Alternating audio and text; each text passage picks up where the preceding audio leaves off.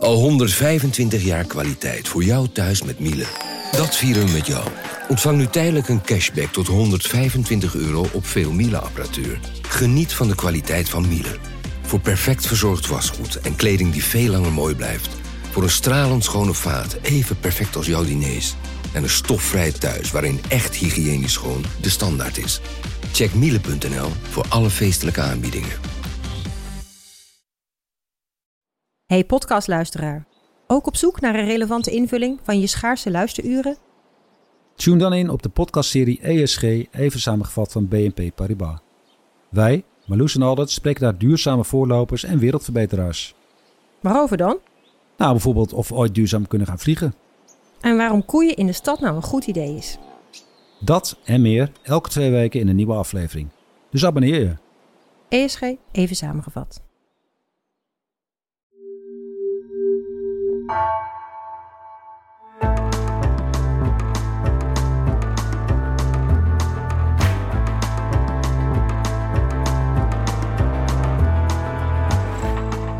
Welkom bij het uur. In februari 2022 werden een hoop illusies kapotgeslagen.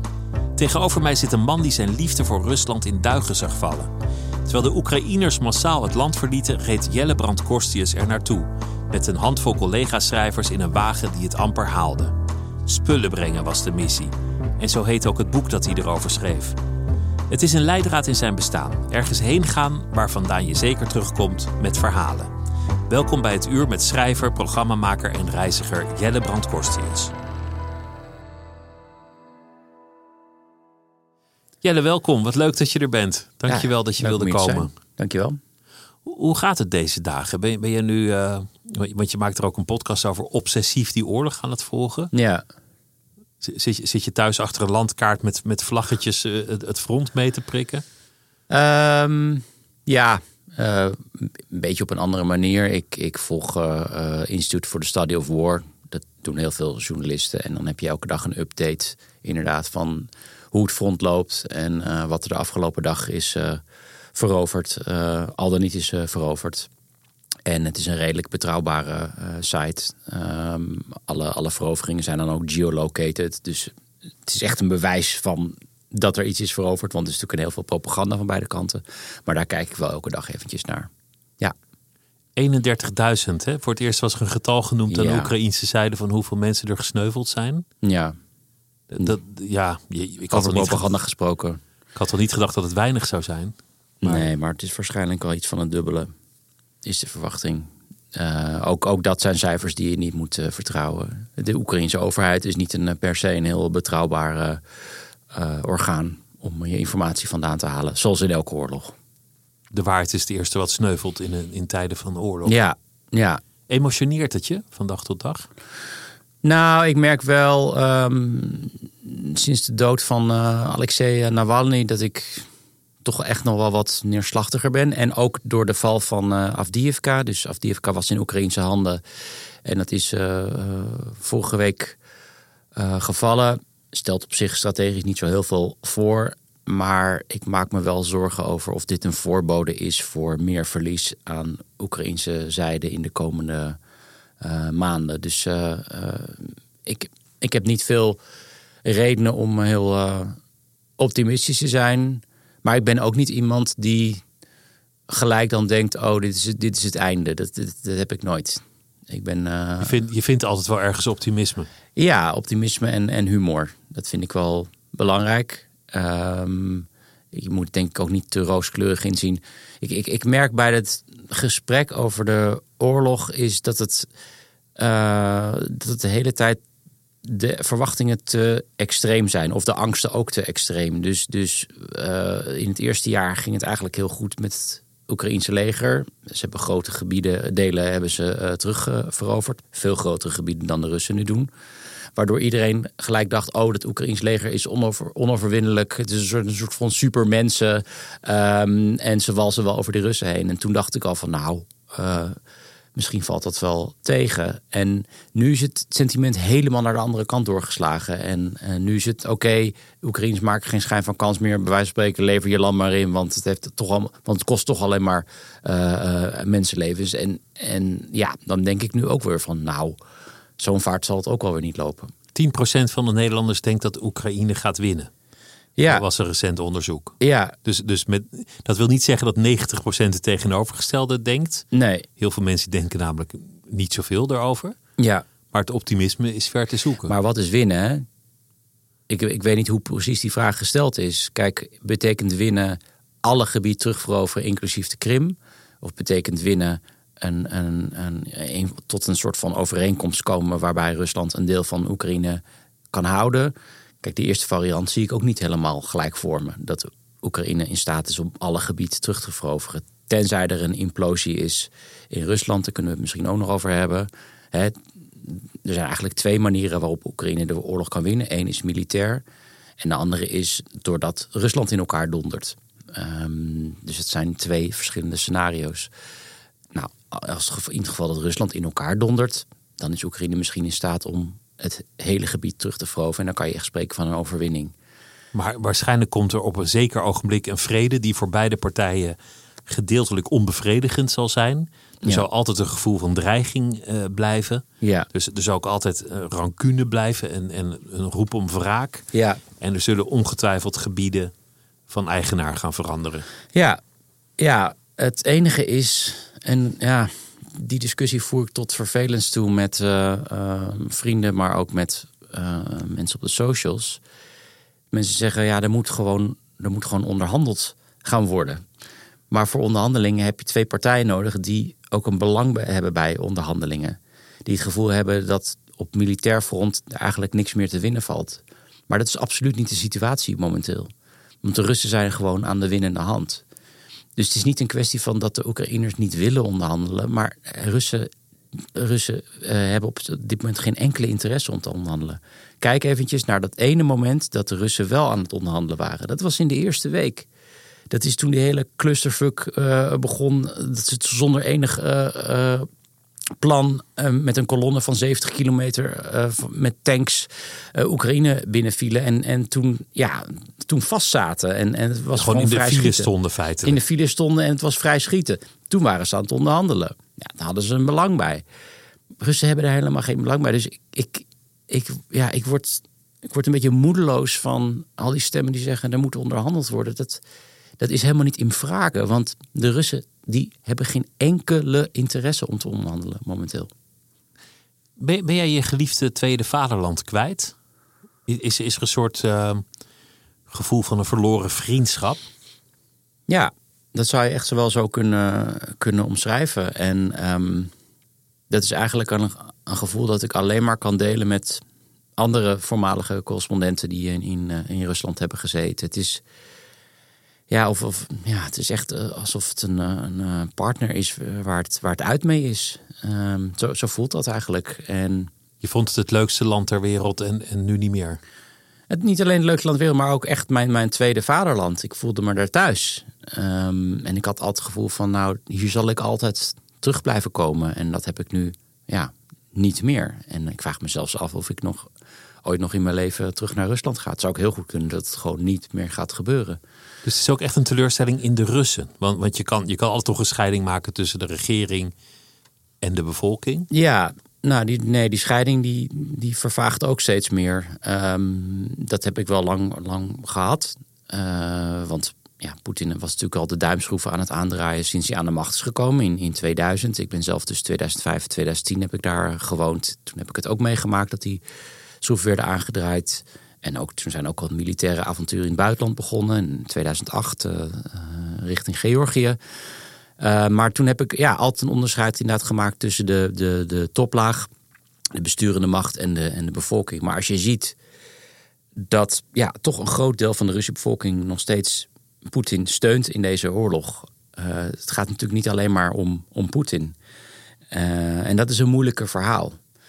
En dat merk ik ook als ik kijk naar de, um, de Russische oppositie, of de media van de Russische oppositie, die voor een groot deel hier in Amsterdam zitten overigens die hebben een hele simpele boodschap. Namelijk, als Poetin gewoon maar weggaat, doordat hij doodgaat of hij wordt verdreven, wat dan ook, dan komt het allemaal goed. Dan heb je bij een soort van, als een soort van wonder in één klap heb je een werkende democratie. En dat vraag ik me dus af. Of eigenlijk Uh, dat vraag ik me helemaal niet af. Ik, ik, ik denk dat de kans helemaal met de dood van Navalny op een werkende democratie in Rusland is zeer klein. Hij kan natuurlijk ook verdreven worden door iemand die nog erger wil. Ja. Die nog despotischer is, die nog agressiever is. Ja. Die Poetin een softie vindt. Ja, natuurlijk. En dat is bijvoorbeeld Yevgeny Prigozhin. Ehm, ja, die heeft natuurlijk uh, die is muiterij begonnen. Die, die trok richting uh, Moskou op. Uiteindelijk is hij, is hij niet helemaal naar Moskou opgetrokken. En nu is hij, ja, nou ja, laten we zeggen dat hij dood is. Ik weet niet zeker, maar hij, hij doet er nu niet meer toe. Um, maar op dat moment van die muiterij kreeg ik ook berichtjes van vrienden die zeiden van ja joh uh, Jelle ik hoop dat het lukt uh, dat hij naar Moskou komt dan is die Poetin maar weg. En denk van ja oké dan is die Poetin weg maar dan zit Prigozhin daar. Dat is een man die, die... Ook geen lievertje. Nou, die pleit gewoon voor een totale oorlog. Die wil het geen speciale militaire operatie meer noemen. Die, die wil volledige mobilisatie van een mannelijke bevolking. Die wil nog even harder over die Oekraïners heen gaan walsen. Dus um, dat is niet per se een beter alternatief.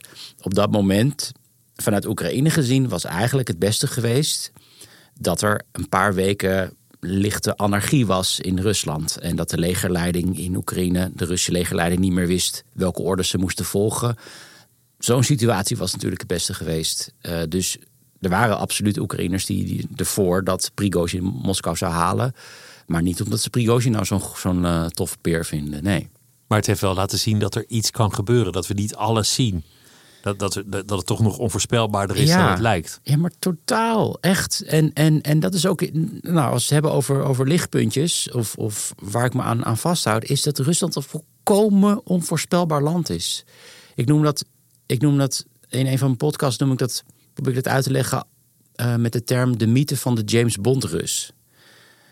Wij, helemaal tot aan deze oorlog, hadden we een heel vertekend beeld van waar Russen toe in staat zijn. We zien zo'n heel geolied apparaat voor ons op dat Kremlin. En die, die, die, die zijn tentakels over de hele wereld hebben. En geheime agenten die, die waanzinnig slim zijn en, en goed hun werk doen. En, en dat Kremlin die, dat, dat alles onder controle heeft. Maar Rusland is gewoon een zootje. Het is, het is, echt, het is een bende. Um, Elke dag is gewoon één groot improvisatietheater. Eén groot improvisatietheater.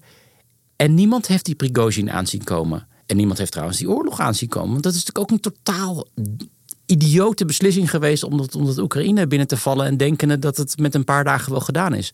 Dus dat is iets waar ik me vasthoud. We kunnen niet anticiperen op onverwachte situaties, maar ik weet wel dat die er zullen komen. Um, dus dat is iets waar ik me op dit moment echt aan vasthoud. Wat was het voor moment dat iedereen Oekraïne uit wil, want er is oorlog, en, en dat jij met een groep schrijvers in een auto die het misschien wel, misschien niet haalt, er juist naartoe gaat? Ja. Wat is dat voor neiging om te denken: oh wow, er is oorlog, ik ga erop af? Nou ja, dat heeft te. Er zit wel een voorgeschiedenis aan vast. Uh, je noemde mijn podcast al. Ik, uh, ja, ik, ik, de, de oorlog brak uit. Ik zou eigenlijk een serie maken over Rusland. Die serie was al helemaal in kannen en, en kruiken. Uh, alle afspraken stonden al. Toen begon het al afzeggingen te, te regenen toen, toen de oorlog vlak voordat de oorlog begon, we hadden al een idee van dit zit niet helemaal goed.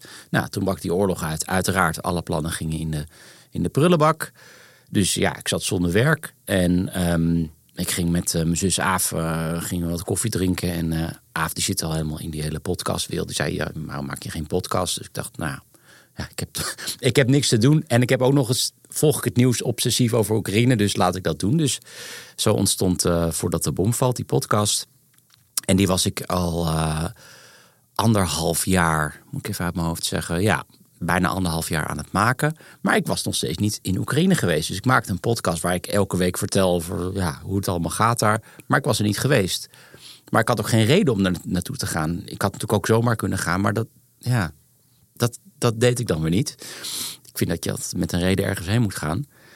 En toen uh, werd ik gebeld door uh, Jaap Scholten, uh, schrijver Iemand die zich heel erg inzet voor Oekraïne, die geld verzamelt voor spullen voor het Oekraïns leger. Dus hij, hij inderdaad nogal gammele auto's vervoert die richting Oekraïne in. Die zijn al gevuld met kogelvrije vesten en, en helmen en, dergelijke. En hij had nog een chauffeur nodig voor, voor dat konvooi.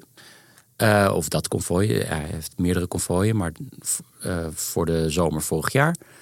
En toen heb ik gelijk ja gezegd, want ik dacht, nu is mijn kans. Nu, nu, nu zie ik zelf hoe dat Oekraïne is, waar ik al zo lang over praat. Het leek me, nu heb je een goed. reden om daar naartoe te gaan. Heb ik reden om naartoe te gaan, maar ik denk ook.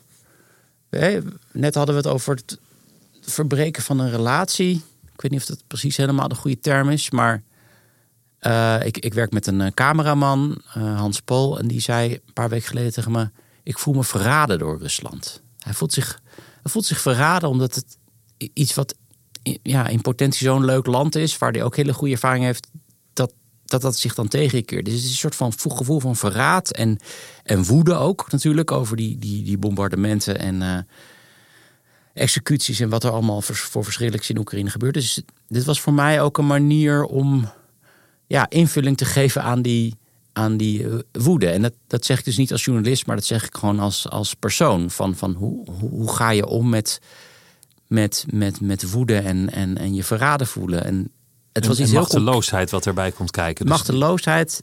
Dus het was ook iets heerlijk concreets. Het is gewoon, je, je, je zit in een, in een auto, die breng je daarheen, die hebben ze daar nodig. Soms, ja, soms is het heel fijn om, om, om zoiets concreets te doen. En, en ze zijn ook gewoon heel erg nodig. Dus het was, ja, het was heerlijk om te doen.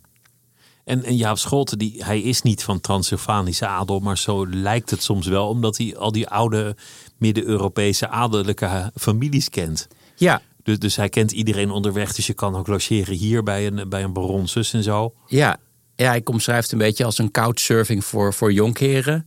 Dus ja, op een gegeven moment waren we onderweg in, eh, in Duitsland. En we zijn dus met 14 man.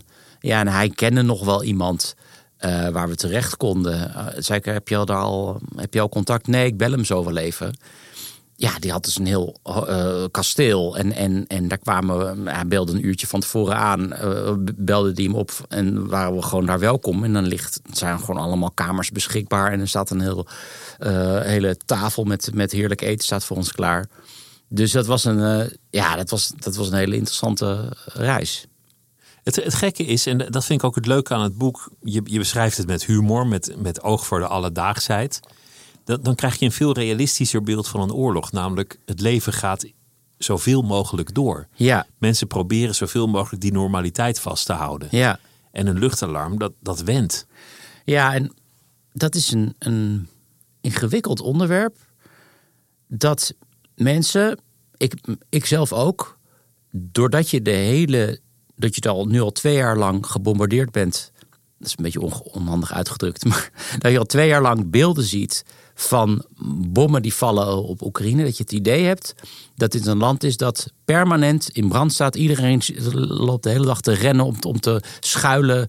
Um, uh, want er, kan een uh, raket naar beneden vallen. Maar dat is niet zo. Maar dat was overigens in de Tweede Wereldoorlog ook niet zo. Als ik mijn de vader winkels vroeg, zijn gewoon open. Dat was toen ook zo. Als ik mijn vader vroeg, ja, hoe zat dat nou? Ja, hij zei van ja, vanaf die, natuurlijk die hongerwinter was erg. Maar ja, eigenlijk de eerste vier jaar hebben we er niet zo gek veel van gemerkt. En dat is iets moeilijks voor Nederlanders die verwend zijn door, door de 70 of 80 jaar vredestijd. Om te beseffen dat, dat oorlog iets heel erg ingewikkelds is. En dat het, dat het samen kan gaan. Dat je dus die ene moment, hè, dat beschrijf ik ook. We komen aan in, in de stad Lviv. Het is zomer, er is een, is een biertuin, er zit, zit vol met de mensen daar.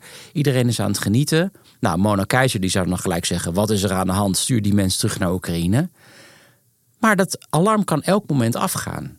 En op het moment dat het alarm afgaat, weet je dat er vanaf de Zwarte Zee.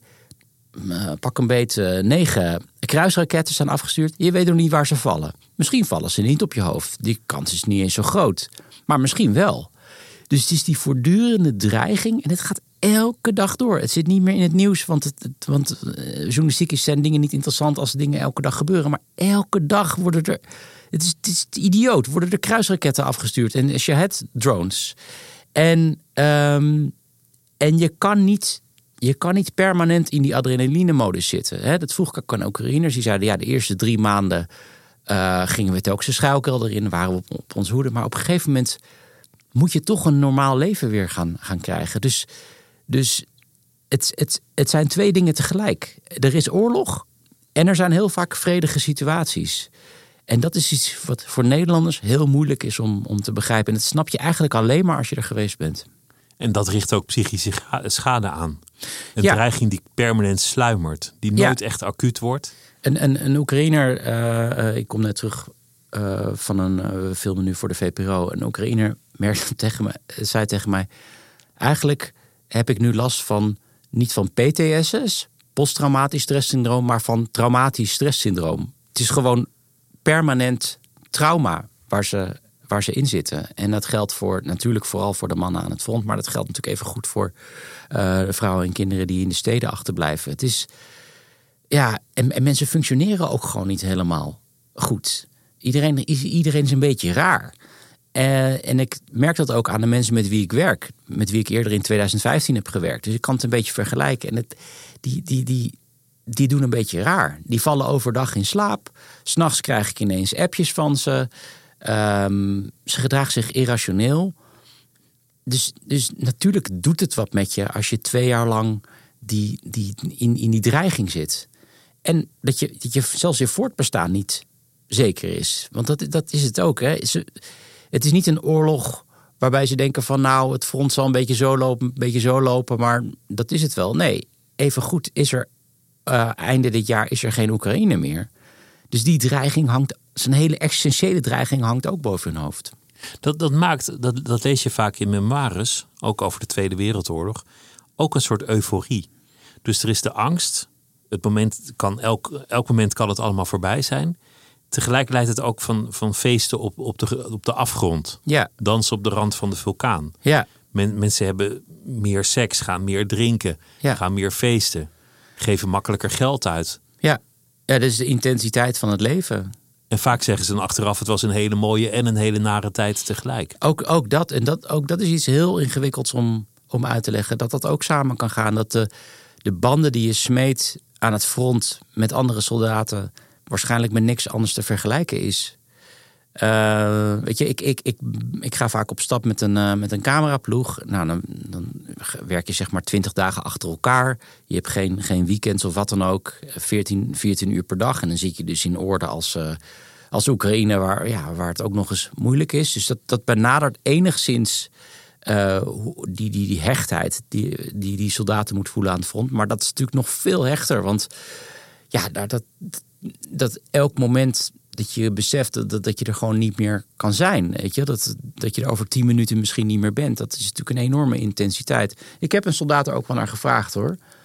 Of het los van die, van die ellende, of het niet ook een, op, ook een, mooie tijd is. Um, en hij, hij zei tegen mij van, nou ja, het is gewoon een stomme kutoorlog. En, en ik zou liever willen dat het gewoon voorbij is. Maar, ik, uh, maar ook hij zei dat, dat hij, dat hij ja, banden heeft gesmeed met anderen die hij waarschijnlijk in zijn leven nooit zou, nooit zou hebben. Dus een jongen die in de vredestijd werkte die bij een denktank. En nu was hij uh, lijken aan het uh, vervoeren vanaf, vanaf het front. Dus het is ook altijd. Het mensen vallen in een heel. Komen uit een heel ander leven natuurlijk. En dat is ook zo fascinerend. Moet je je voorstellen, Pieter, dat wij gewoon.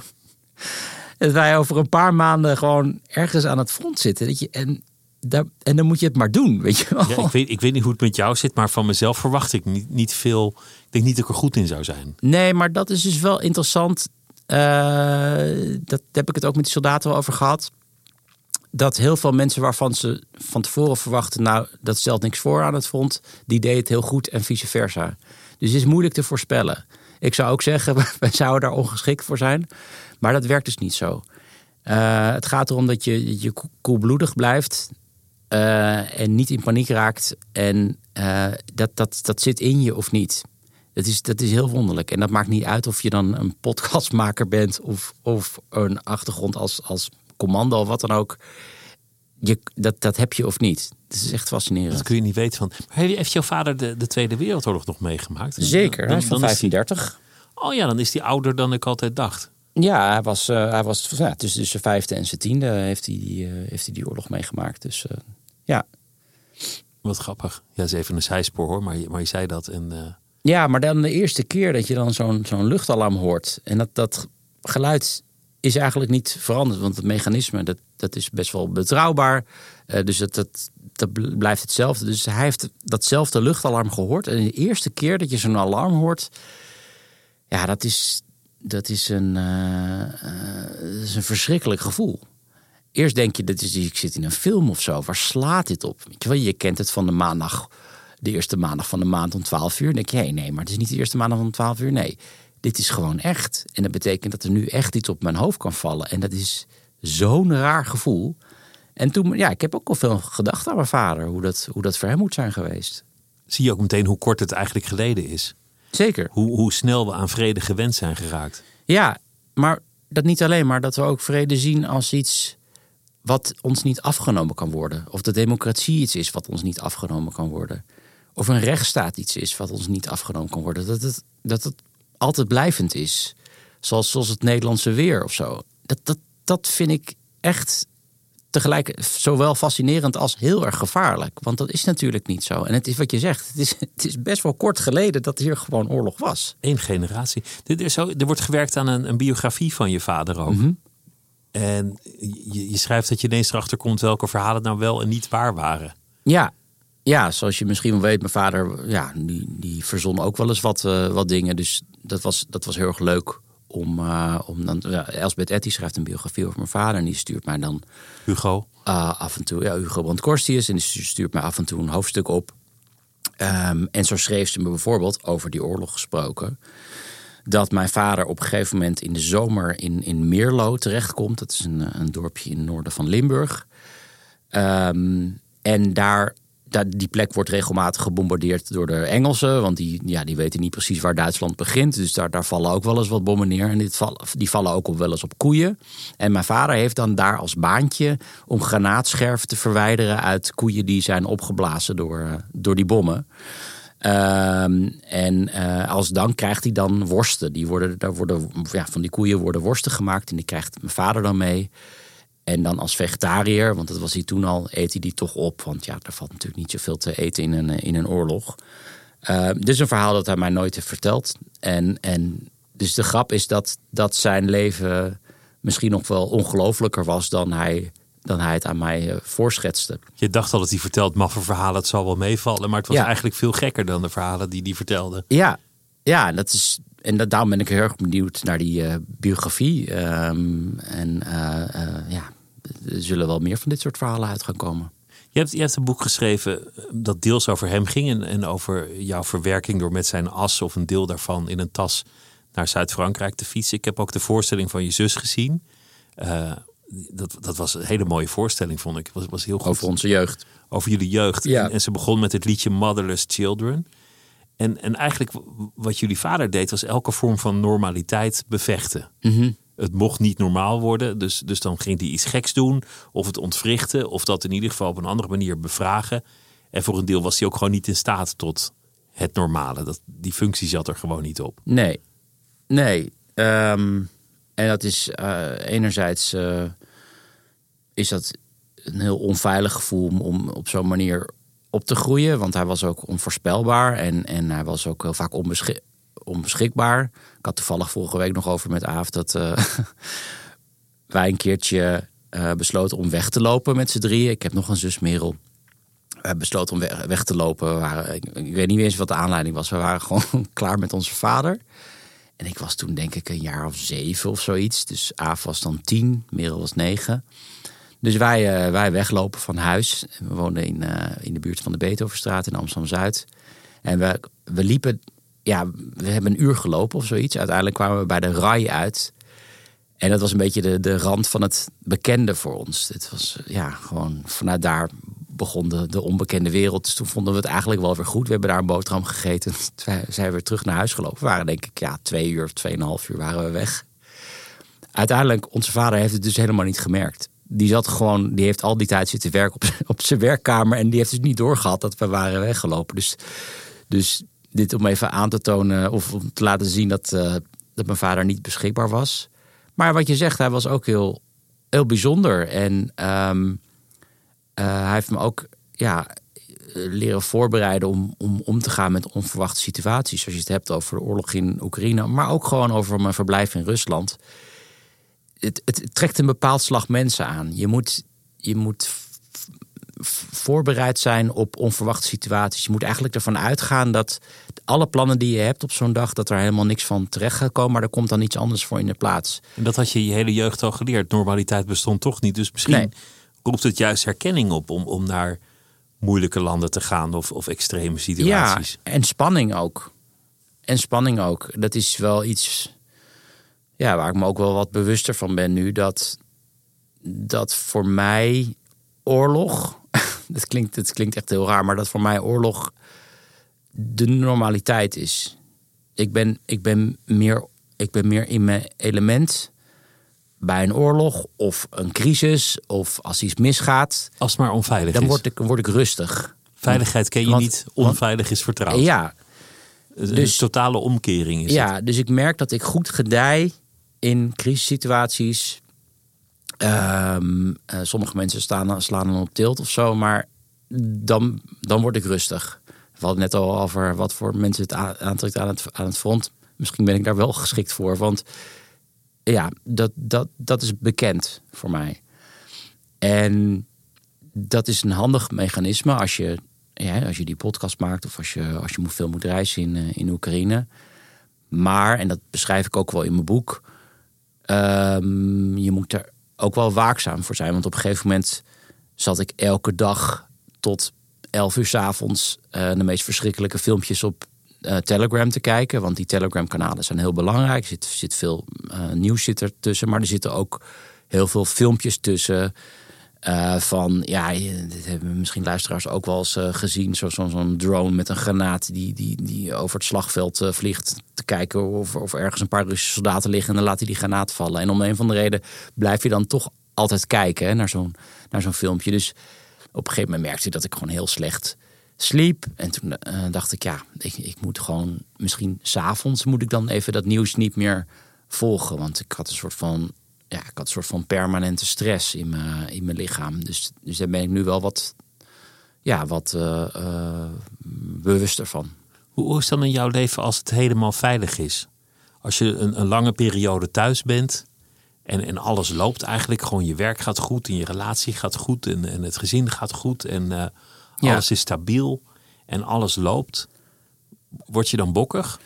Ja, vaak wel. En eigenlijk is, is en dit klinkt idioot om nou die oorlog erbij te halen, maar bij mij werkt het best dat ik dus thuis die veiligheid heb en die voorspelbaarheid. Eh, dat vindt Marcia trouwens heel erg. Want ik, ze is, Marcia is niet voorspelbaar natuurlijk. Ze is hartstikke leuk. hartstikke Het is leuk. elke dag spannend. met- Elke met dag heel spannend. Maar misschien Maar- niet onveilig, hoop ik. Nee, totaal niet onveilig. Ehm, en dat ik voor mijn werk dat wel opzoek. Eh, en dat geldt niet alleen voor Oekraïne. Ik kom net eh, met een serie uit eh, Centraal-Azië heb ik gemaakt. Dus, dus zo probeer ik die balans te vinden. Want dat, dat zit kennelijk ook in mij. Want inderdaad, alleen maar in een veilige omgeving... da- daar, daar, daar gedij ik niet goed bij. Je moet weg. Het is, het is ook altijd weggaan en terugkomen met een verhaal. Het is ook altijd naar een plek gaan. Niet zomaar naar een plek, niet op vakantie. Nee, Niet zeggen van nou we gaan twee weekjes eh, eh, naar, naar de Dordogne. nee. En we komen terug zonder verhaal, maar we hebben het heerlijk gehad. Die optie bestaat niet. Nee hoor, ik ga natuurlijk met mijn gezin wel op, eh, op vakantie. Dus Die optie bestaat dat- wel degelijk. Dat doe ik wel. Maar bijvoorbeeld voor mezelf, waar ik heel veel genoeg uit haal, is, is elk jaar een, een huttentocht maken in, in de Alpen. En dat is fysiek gewoon een heel, heel zwaar. Ehm, dus het is ook weer, dat is ook weer afzien. Eh, het is ook ontzettend leuk, maar het is, het is echt heel pittig. Ehm, maar ja, daar word ik dan eh, rustig van. Dus dat valt ook weer een beetje in die categorie eh, onveilig, in zekere zin. Ja.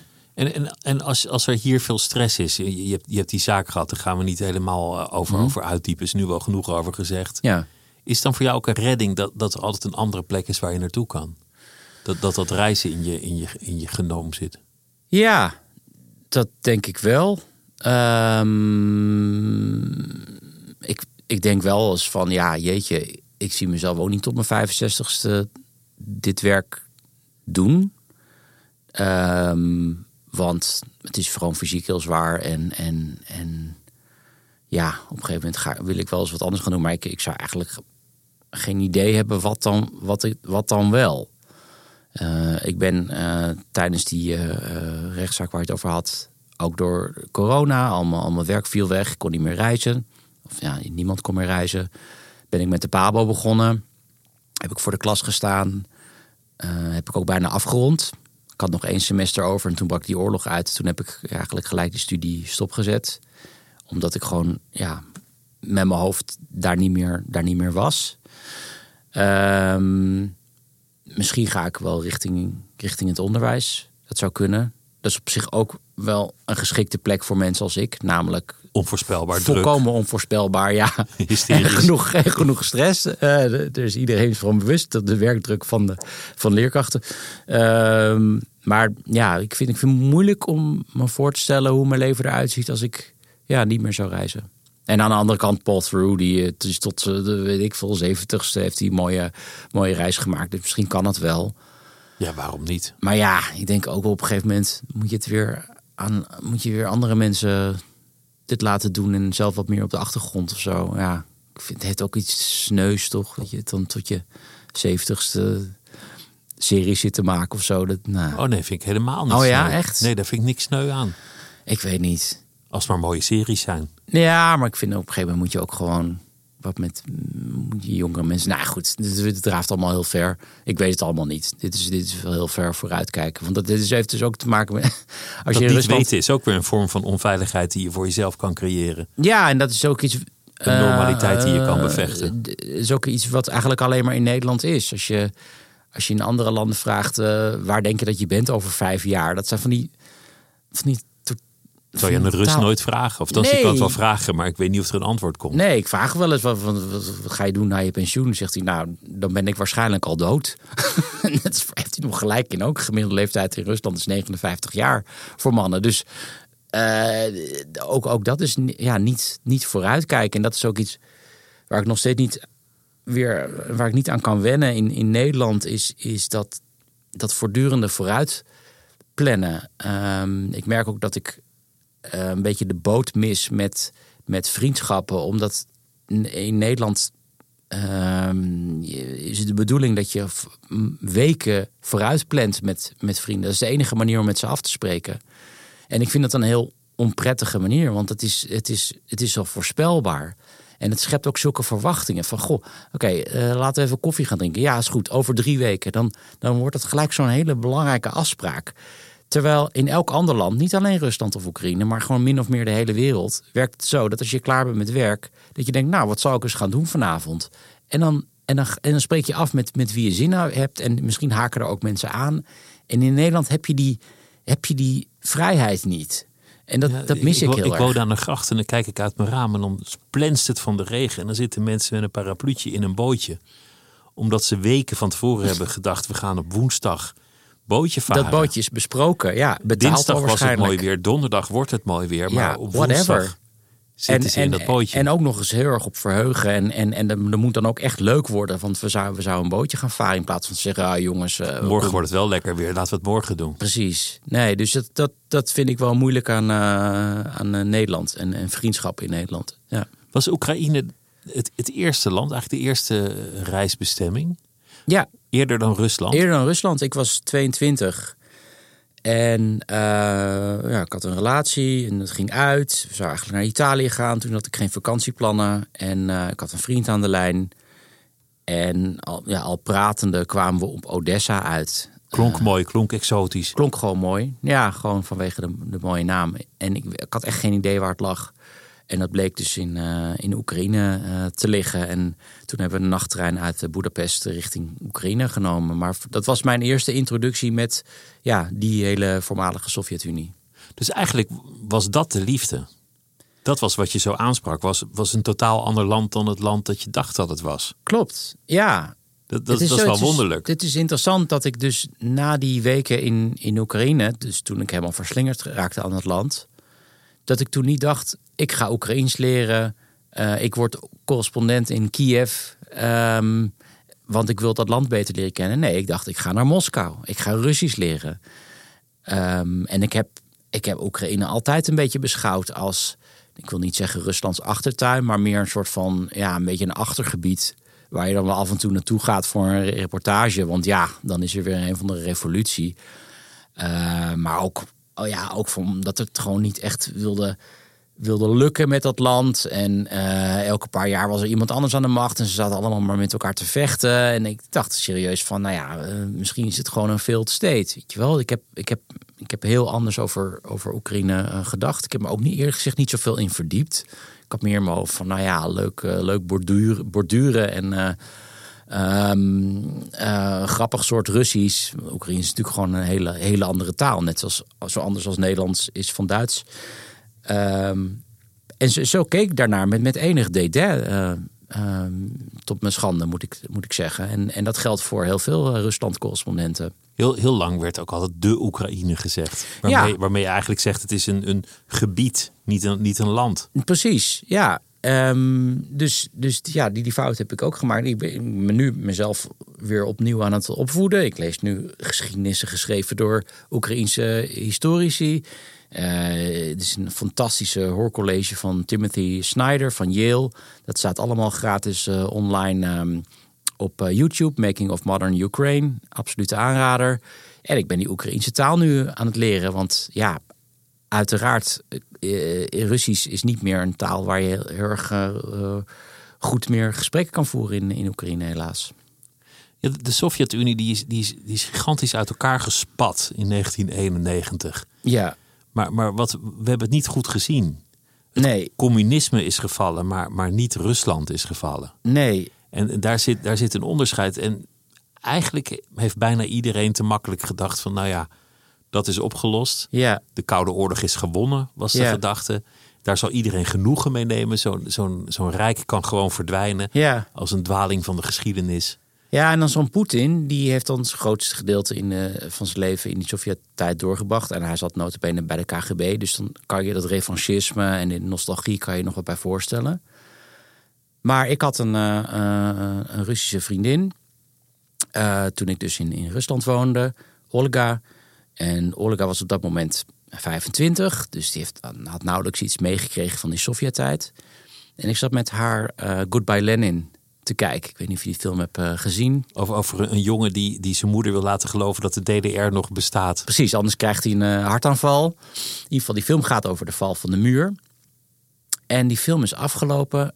En Olga zegt tegen mij... Dus dit is een journalist, is veel in het buitenland gereisd. Veel van de wereld gezien. Dus geen gemiddelde Rus. En zegt tegen mij, wat moet het toch erg zijn geweest... voor de Oost-Duitsers toen de muur viel. En nou, mijn Russisch was op dat moment nog niet zo goed. Dus ik dacht, misschien heb ik het niet goed gehoord. Maar toen zei ze opnieuw, wat moet het toch erg zijn geweest voor die Oost-Duitsers toen de muur viel. En dat is echt belangrijk om te beseffen. Waar wij beelden hebben van, Mensen die stonden te juichen, mensen wilden de naar het muur, westen. Die dachten, ik krijg, ik krijg een Mercedes. precies, voor net zoveel mensen viel een heel wereldbeeld uit elkaar. Viel een land uit elkaar. Viel een, eh, viel een, een ideologie weg die... die ja, die weliswaar niet functioneerde, maar, maar wel in ieder geval beloofde dat er voor je gezorgd zou worden van je wieg tot aan het graf. Want dat is het communisme. Het werkt niet, maar het idee is op zich wel prima. Dat viel weg. En dan kreeg je die jaren eh, negentig, ehm, waarbij echt alles wegviel. En ehm, de, je kreeg de, de, de, de chaos onder, onder Yeltsin. En dat is de ellende, hè? dat de meeste Russen associëren democratie dus met die chaos van de jaren negentig. Eh, Olga zelf, die, die, die ging eh, heroïne, die heeft een tijdje heroïne eh, ge- gespoten toen ze, toen ze 14 was. Het is echt een hele erge, verschrikkelijke tijd geweest voor veel Russen. En toen kwam in 2000 Poetin aan de macht, die in feite zei: het was gewoon in feitelijk een sociaal contract. Jullie leveren wat van je vrijheid in en in ruil daarvoor zorg ik voor eh, ietsje meer welvaart.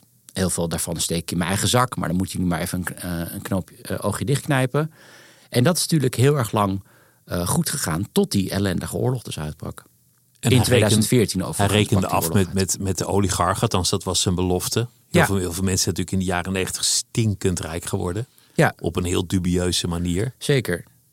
En, en, en, en diezelfde oligarchen die zijn nog, steeds aan de macht in, in Oekraïne. Dus die, die, die, ze hebben eigenlijk een hele parallele geschiedenis gehad tot aan 2000. En vervolgens had je Poetin die die oligarchen aanpakte. En wel dus daardoor zichzelf begon te verrijken. Dus, dus de boeven zaten niet meer buiten het parlement, maar in het parlement of, of in, in de regering. En in Oekraïne heb je nog steeds die macht van die, eh, van die oligarchen, zeker. Het is wel, wel interessant wat je zegt als iemand opgroeit in een verhaal. Dat het traumatisch kan zijn als dat verhaal aan duigen valt. Ja, Dat, ik, ik heb wel eens iets soortgelijks gehoord over mensen die in Zuid-Afrika tijdens de apartheid opgroeiden. Denkend dat ze in een, in een fantastisch land leefden. En pas later moesten ze inzien dat dat totaal niet het geval was. Ge- Het, geldt, het geldt voor mensen die op een gegeven moment niet meer in hun religie geloven. ja, Die, die hebben geleefd in een verhaal, zijn dat verhaal kwijt. Geldt misschien ook voor onszelf. In, in het westerse wereldbeeld. ja. Dat we zijn gaan geloven in vrede, in voorspoed. Dat iedereen hetzelfde wil als wij. Dat het westers model zal gaan winnen. Het is eigenlijk ook een soort verhaal. Ja, Een soort ut- utopie kan Ja, je noemen. ik luister laatst een goede podcast van eh, Rob Wijnberg. Waarin hij zei dat, dat normaal is het verhaal een, een, een progressief en positief idee. Dingen, dingen worden beter. En eigenlijk het verhaal dat nu verteld moet worden is... Het wordt, het wordt waarschijnlijk alleen maar slechter en daar moeten we op voorbereid zijn. Dus of dat nou de klimaatcrisis is... of ehm, dat er oorlogen zullen zijn op, eh, in, in Europa... Dat is, dat is een heel, heel vervelend verhaal om te horen. Dat is helemaal niet een leuk verhaal. Want het wordt niet per se beter, maar we moeten daar wel op voorbereid zijn. En, en ik denk dat, ja, dat dat ook te maken heeft met het, eh, de, eh, de populariteit voor Wilders bijvoorbeeld. Die zegt van, nou ja, gewoon eh, ja, het, het probleem van de klimaatcrisis is er niet. Geld naar Oekraïne, dat, dat hoeft ook allemaal niet. Ja, dat, dat, dat spreekt heel veel mensen aan, omdat het gewoon... Het is een heel vervelend verhaal waar we, waar we nu in zitten. De, de, de politici die hebben niet de oplossing voor alle problemen.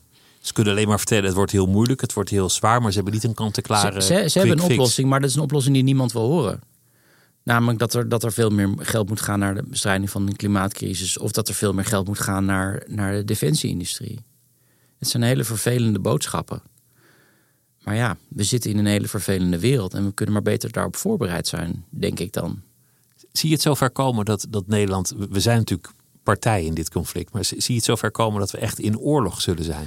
Nou ja, Zal, Poetin ooit gestoord genoeg zijn om, om de NAVO aan te vallen? Of zal de NAVO uit elkaar vallen? Het gaat er meer om, het gaat meer om de presidentwerking ehm, van als, als, als een één soeverein land een ander soeverein land binnenvalt, omdat om wat voor reden dan ook vindt dat hij daar recht op heeft, willen we in een wereld wonen waarin, waarin dat vaker gaat gebeuren. En of dat nou Nederland is dat het binnen wordt gevallen door Rusland, dat doet er allemaal niet zoveel toe. Maar als grenzen er niet meer toe doen, als soevereine landen er niet meer toe doen, want daar, daar komt het eigenlijk op neer. Rusland is soeverein land, Oekraïne is ook een soeverein land, Rusland viel dat andere land binnen. Om wat voor reden dan ook. Wat voor wereld krijgen we? Dan krijgen we een soort van Hobbesiaanse wereld, waarbij, waarbij eh, regels er helemaal niet meer, meer toe doen. Dus het, het, daarom is die strijd in Oekraïne ook zo belangrijk. Want het bepaalt ook hoe landen zich onderling gaan, eh, tot elkaar gaan verhouden en hoe snel ze tot militaire middelen zullen grijpen. Er zit een kleine Hongaarse minderheid in, in Oekraïne. Gaat Orbán dan Oekraïne binnenvallen? En ja, ga zo maar door.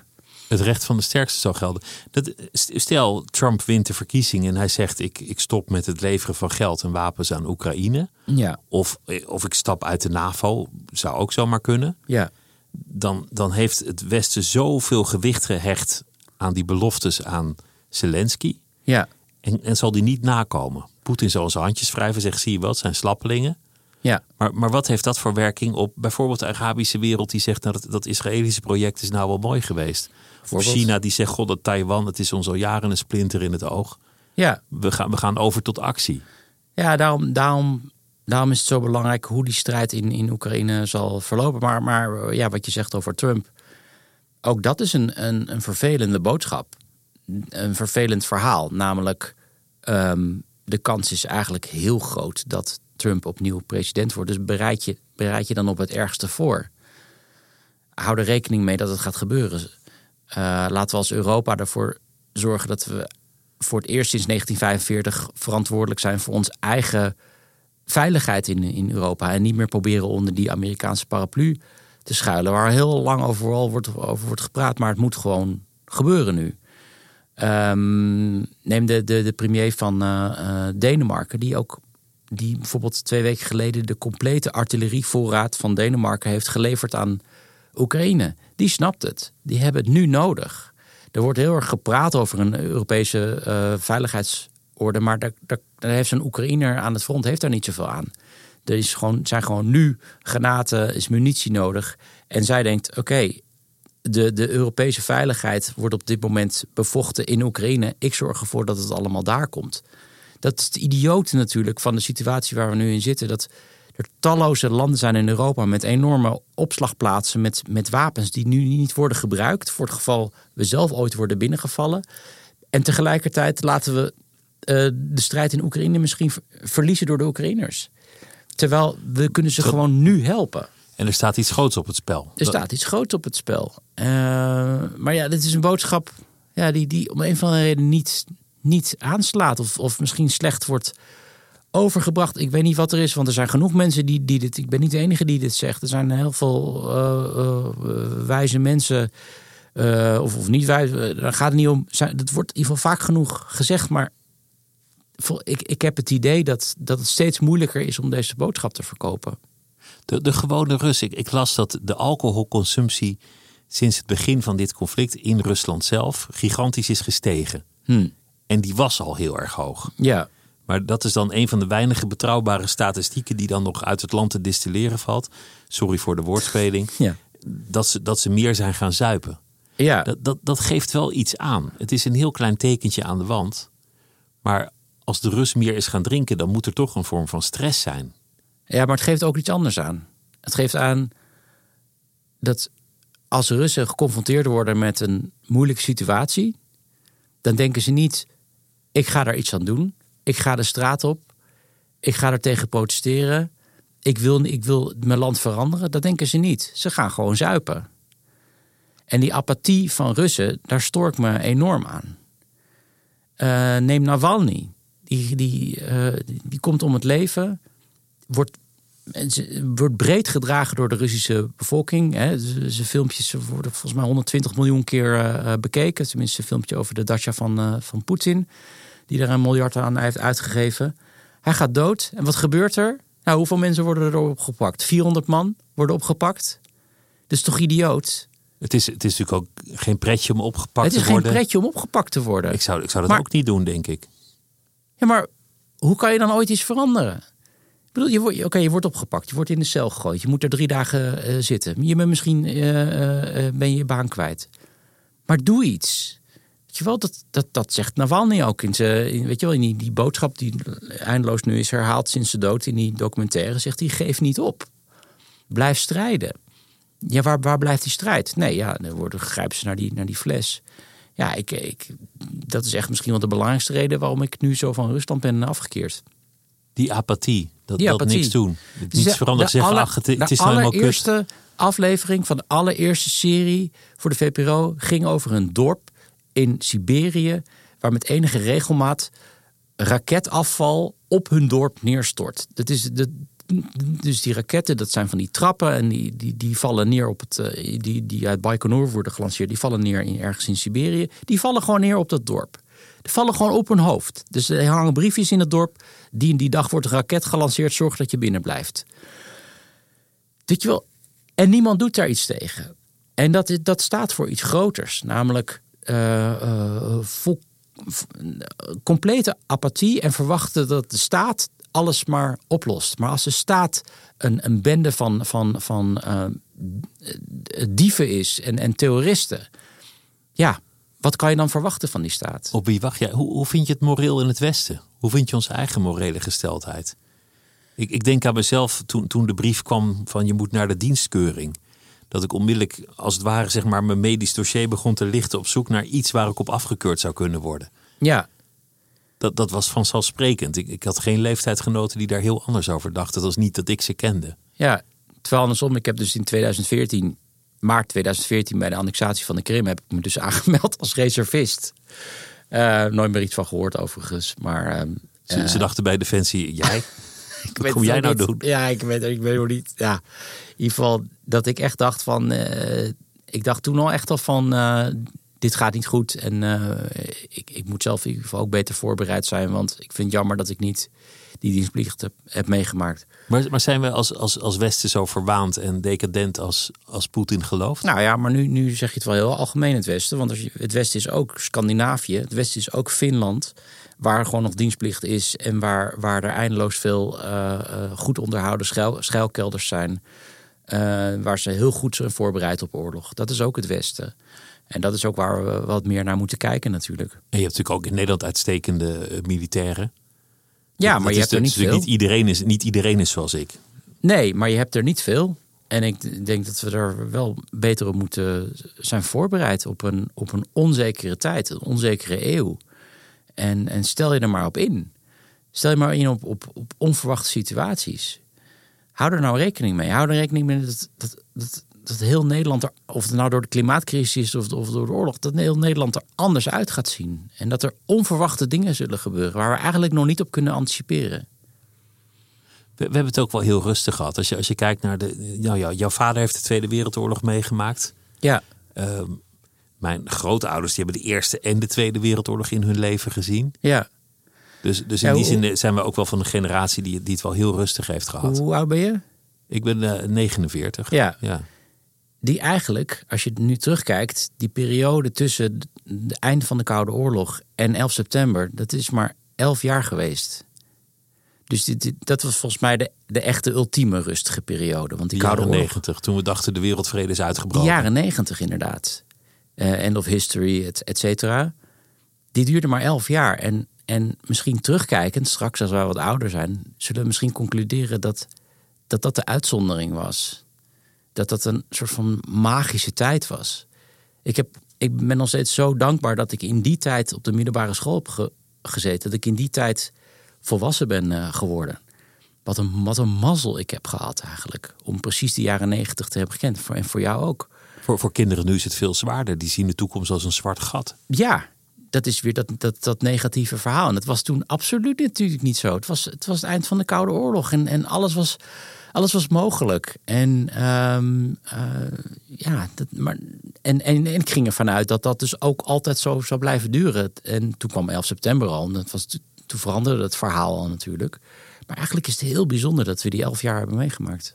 Die Fukuyama van de End of History, die was in deze podcast. Nou, die geloofde nog stellig in. Oh ja? Die zei, dit, is een rimpeling, duurt maar heel even. Maar in de, in de, op de lange termijn... ja. ja. Nou ja, ik, ik, ik hoop het natuurlijk. En uh, uh, ik hoop dat ik dat ik ja, dat over tien jaar elkaar wil spreken. En je denkt, Jelle was een, een enorme doemdenker om te zeggen dat je overal op voorbereid moet zijn. Dat hoop ik natuurlijk. Maar ja, ik weet het niet. Ik ook niet. Het was er genoeg om je hier te ontvangen. Dank je wel dat je langs wilde komen. Dank je wel. En veel, uh, veel succes met alles. Dank je wel. En dit was het uur voor deze week. Volgende week is er weer een uur. Het uur wordt gemaakt door Mira Zeehandelaar. Productie en techniek Celine Cornelis. En mijn naam is Pieter van der Wielen. Tot volgende week.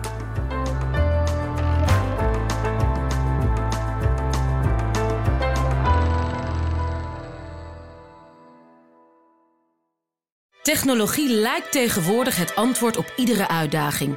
Bij PwC zien we dit anders. Als we de potentie van technologie willen benutten, kunnen we niet zonder een menselijk perspectief. Human-led, tech-powered noemen we dat. Ga naar pwc.nl.